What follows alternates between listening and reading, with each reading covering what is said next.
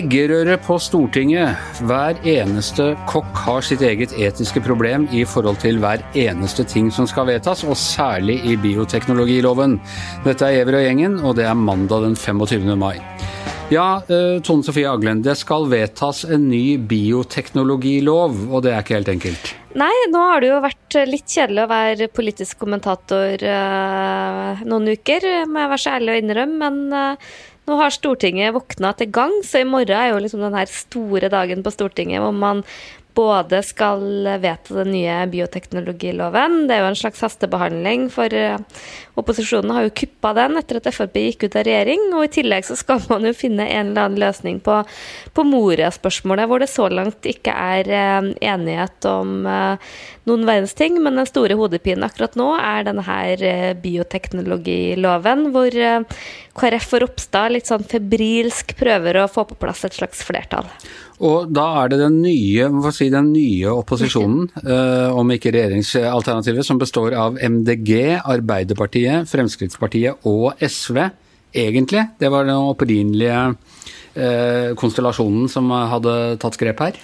Ja, uh, MDG var vel ikke opprinnelig med. Det var Arbeiderpartiet, SV og Frp som ha, nå har et sånt knapt flertall. Og det de også har gjort, er at de har jo eh, overkjørt litt det som er vanlig prosedyre når man skal legge fram en ny lov. De snekrer rett og slett lov sjøl istedenfor at det skal gå via høring og sånn. Og nå viser det seg, da. Ja, altså de legger fram et eget lovforslag da, som de har eh, kokt sammen på grupperommene? Ja, rett og slett. Og det er jo utfordre nok i seg sjøl. Det, Det er jo en grunn til at man har ganske omfattende prosedyrer med høringer og sånn, men så har man jo sett litt enkelt på det med flertall, for Frp er jo litt delt i de spørsmålene her. Og nå har jo tre representanter i Frp signalisert at de ikke vil støtte eh, riktig alt i de her endringene, med litt sånn ymse begrunnelser. Og det er jo to av dem er jo Sylvi Listhaug og Christian eh, Tybring-Gjedde, som, som eh, jeg har ikke helt definert hva de stemmer mot, men den tredje er altså Per-Willy Amundsen, som vil gå imot én ting, og det er eh, at enslige skal få kunstig befruktning. Og han begrunner altså det med at det her er jo Eh, et veldig sterkt symbol om fars betydning, og mener at her har disse feministene gått for langt, da. Så det var én kjepp. Litt uventet så er det også da Rødt som tar en jeg holdt på å si, De drar en Otto Hauglin, den er litt intern, men, men det var altså den SV-representanten som i sin tid stemte mot abortloven. Eh, det er blitt noe det er noen, altså de er, de er mot noen eggprofitører eller et eller annet sånt ting i, i, Rødt? Ja, for nå har jo egg, egg så jeg Rødt eh, eh, behandla det her i sitt sentralstyre, og de støtter jo mm, alt, men de er bekymra for at, uh, at eggdonasjon skal bli kommersielt. Eh, så de ønsker kun at det skal være såkalte sånn eh, overskuddsegg som skal være lov å donere. Og det, det er altså Det er jo ved kunstig befruktning så bruker man jo hormoner som gjør at det ofte blir eh, litt sånn ekstra egg, og det har jo fått Arbeiderpartiet til å rase, og de kaller nå altså Rødt for uetisk, fordi de mener at at de nå kan blokkere hele denne enigheten om eggdonasjon. Men det stopper jo liksom ikke her med forviklinger. For det, det, som liksom er utfordrende for særlig for KrF, da, er jo at uh, selv om de klarer å plukke noen løse Frp-representanter og få litt støtte av Rødt på det kommersielle, så er det jo sånn at det er et stort flertall på Stortinget for å liberalisere. Og flere av de her partiene stemmer jo mot kun av lojalitet til regjeringsplattform. Men nå har jo først begynte vi med Senterpartiet, som er liksom litt mer på linje med KrF. Da har jo minst én representant trua med å stemme etter sin egen overbevisning. Så kom i dag, så så vi at eh, den første i Venstre var ute og trua med å følge sin eh, samvittighet. Og vi kan jo bare ane hvordan det skal bli når ballet åpner i Venstre. Og i tillegg så har også um, Heldigvis så har de ikke så mange representanter, så det er grenser for hvor mange retninger de kan gå i. Nei, det vil jeg faktisk ikke se bort fra i det spørsmålet her. Eh, eh, men i tillegg så um, har også um, han Kristian Tonning Riise, tidligere Unge Høyre-lederen, som måtte gå av, han har nå også gått og lufta sin frustrasjon over at samvittigheten til KrF er mer verdt enn en i Høyre, så han har også trua med å så akkurat nå er det på en måte helt umulig å vite hvem som har flertall. Men det vi i hvert fall har fått lagt på bordet, er at det er mange politikere på Stortinget med samvittighet. Og det ja. var kanskje ikke alle som var sikre på. Men, men, men altså bare for å si hvor frontene da egentlig står. Det var da det opprinnelige Ap, Frp, SV. Eh, det rakner litt i Frp. SV er eh, klare å holde fortet denne gangen? Det vil jeg tro, og det er jo SV det egentlig har eh, litt på. For SV har jo tradisjonelt også vært litt i de spørsmålene, men har hatt en en litt sånn verdikonservativ eh, fløy, om vi kan bruke et sånt ord. Kristin Halvorsen har jo vært eh, viktig i partiet, sittet i Bioteknologirådet og vært en viktig premissleverandør. Så, så, SV har vært litt sånn eh, tilbakeholden. Så det var jo liksom det at de nå endelig har landa på eggdonasjon som, gjorde, som åpna for at det her Eh, det her nye flertallet. Og da var jo Arbeiderpartiet veldig rask med å benytte anledningen. Så må jeg si, det, det handler jo ikke bare om eh, eggdonasjon her, selv om det får mest oppmerksomhet. Det handler jo som nevnt også om kunstig befruktning for, eh, for enslige. Det handler om å tilby tidlig ultralyd og en sånn såkalt NIPT-test som gjør at du kan avdekke kromosomfeil og Downs syndrom. Og det handler også om at du kan forske på sånn befrukta egg. Så det er jo en ganske stor pakke her. Hva er, hva er det store stridsspørsmålet da mellom denne konstellasjonen og regjeringspartiene? Regjeringspartiene uh, har jo det her løftet sitt til KrF. Det var KrF sin store seier når de gikk inn uh, i, Granavolden, at uh, de skulle få ha en sånn rød knapp eller vetorett i, i bioteknologispørsmål. Og det var jo det som på en måte var det som forente hele KrF, og som gjorde at de Eh, at de syntes det var verdt å komme inn i regjering. Og så gikk Frp ut, og det var jo ikke verdt mer enn papiret det sto på, det, eh, det løftet der. Men utfordringa innad i regjeringa er jo at eh, Sjøl om Høyre er ganske delt, og vi vet at Erna Solberg har vært kritisk til eggdonasjon, så ble det et flertall for det i Høyre. Og Venstre er jo det mest liberale partiet på Stortinget. De har jo til og med gått inn for uh, surrogati, dog altruistisk, men likevel. Så det, det, det, er en ganske sånn underlig forestilling med noen som stemmer for ting de er mot, mens de egentlig stemmer for, mens andre som stemmer mot noe de egentlig er for, og, og et litt sånn spill om uh, hvem som har mest samvittighet, og hvem som er mest uetisk. Så uh, nå har jo Fram til i morgen så tør jeg kanskje tippe at det er en del andre representanter som kommer på banen for å lufte samvittigheten sin.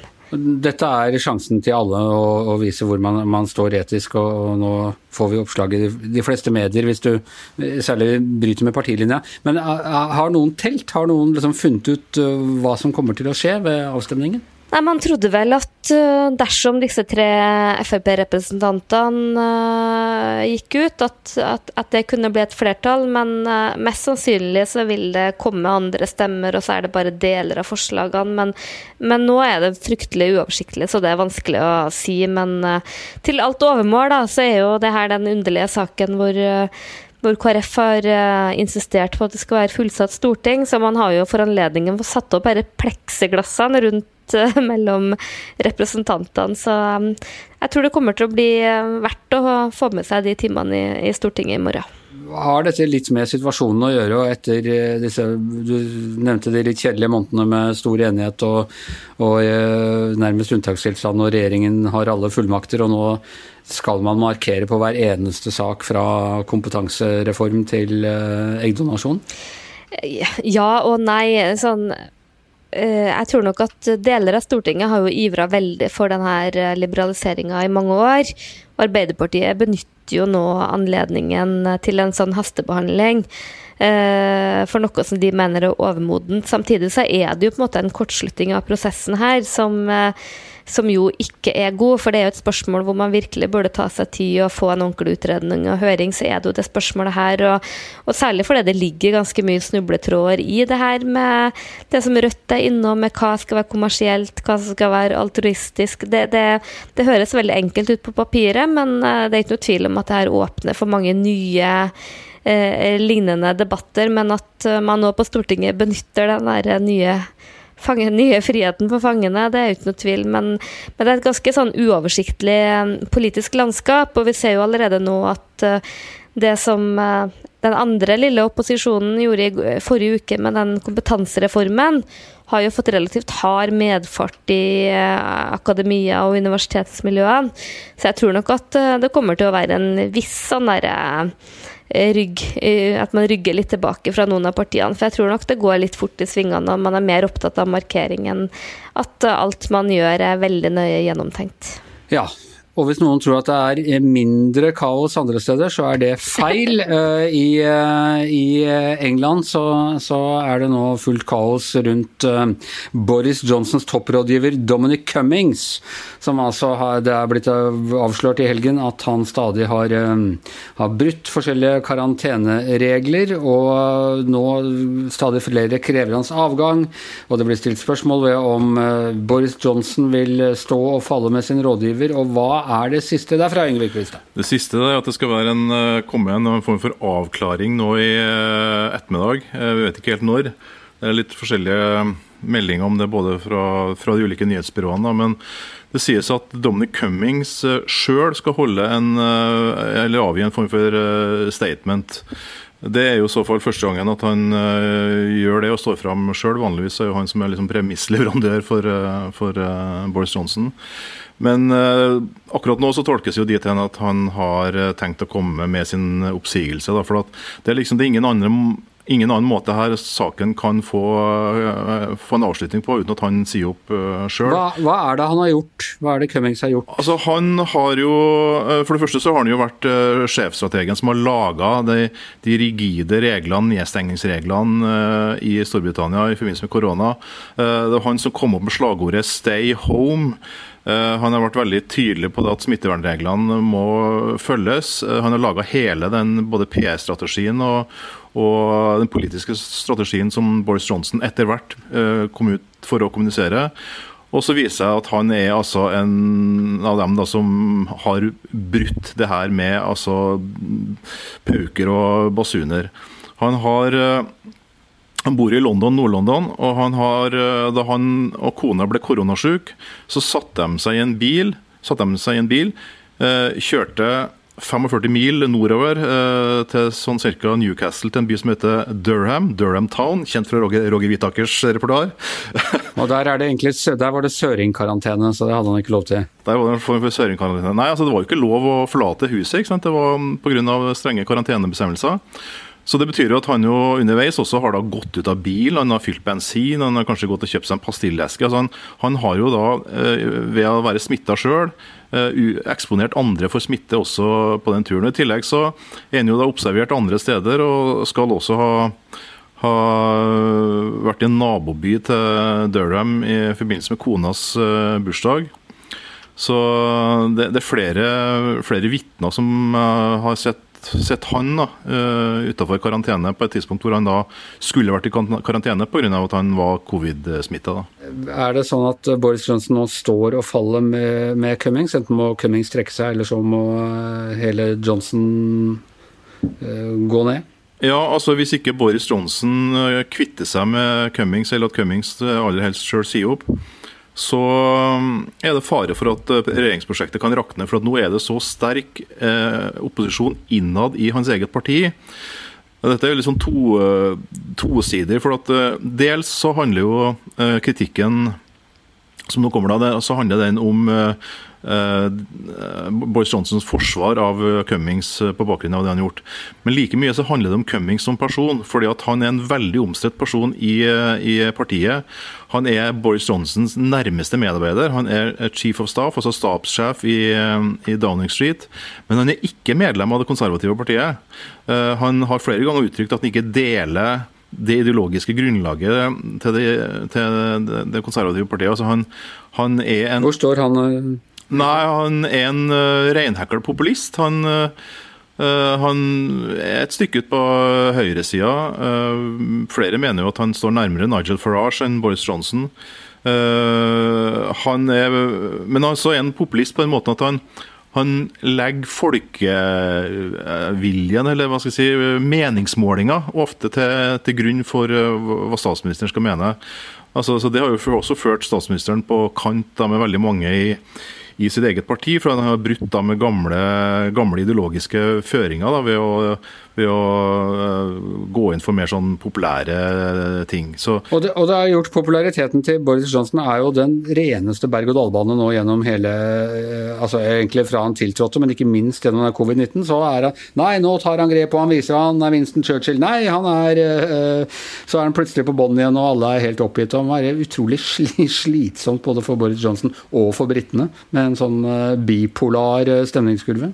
Ja da, og det er jo, det er jo den mangelen på konsistens som også underbygger kritikken mot, uh, mot uh, Johnson og Cummings. For det er, jo, veldig tydelig at det, er Cummings som til enhver tid hvisker Boris i øret hva han skal mene om uh, saker og ting.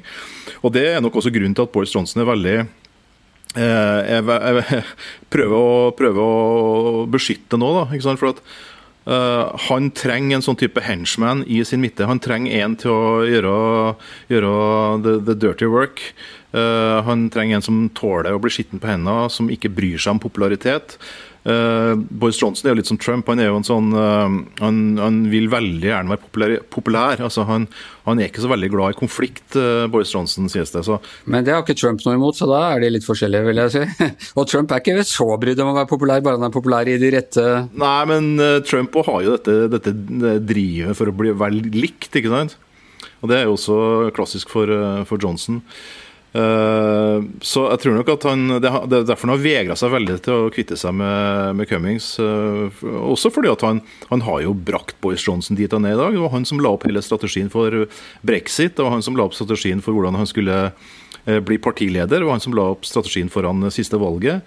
Eh, han klarte jo det mesterstykket å få, få Labour til å utfordre eh, Boris Johnson og co. til nye valg. ikke sant? Sånn at Han er, har jo vært gull verdt for Boris. Jeg skjønner jo godt at han vil beholde den, men samtidig så er han altså så kontroversiell. Er, Boris Johnson ferdig uten David Cummings? Uh, han må i hvert fall uh, skaffe seg et annet type rådgiverapparat, og han må skaffe seg uh, noen flere nei-folk rundt seg. For akkurat nå så har han jo bare ja-folk. Og, så det er jo ingen uh, altså Regjeringa får jo masse kritikk for at den er inkompetent. altså for Den, den er veldig ung, den er veldig uerfaren. Den består av uh, Ta f.eks. utenriksministeren, ikke sant, Dominic Raab. Vanligvis er det en posisjon i Storbritannia hvor du skal ha sittet uh, 20 år i parlamentet og gjerne hatt en tre-fire andre statsrådsposisjoner før du blir utenriksminister. Han bare rasa rett inn. Sammen med finansministeren. Uh, ikke hatt et verv før. Sånn at og, dette er jo folk som Cummings har plukka ut fordi at de skal være med i dette ja-laget rundt, uh, rundt, Boris. da. Så klart at Boris vil få litt av en oppgave altså med å, med å bygge opp et nytt regime. da. Så, så det spørs jo hvordan, hvordan det går. Jeg tror nok at politikken vil ha veldig godt av at Cummings forsvinner. For det, betyr at det, blir mer tid og mer anledning til å altså, lage politikk, til å ha diskusjoner osv. At ikke alt ble bestemt av eh, rådgiveren. For han har jo hatt en ekstrem stor innflytelse på politikken og på regjeringas arbeid. og Det er også en av årsakene til at, det har vært veldig, at den er veldig omstridt innad i, i partiet. for at det er, noe, det er, jo ikke et parti som fungerer som et politisk verksted lenger. Det er bare en sånn gjeng som setter ut i livet det Dominic Cummings til enhver tid eh, tenker og har fått for seg. Ja, Nei, det viser både ute og hjemme, eh, som Winston Churchill sa, demokratiet er den verste statsformen som finnes, bortsett fra alle de andre alternativene. Eh, med det tror jeg vi erklærer Giæver og gjengen over for i dag. I hvert sitt hjemmestudio Tone Sofie Aglen, Yngve Kvistad, eller Unknown som han heter her av en eller annen grunn på, på min skjerm. Jeg heter Anders Giæver, og vår demokratisk valgte diktator på livstid er produsent Magne Antonsen. Vi høres igjen i morgen.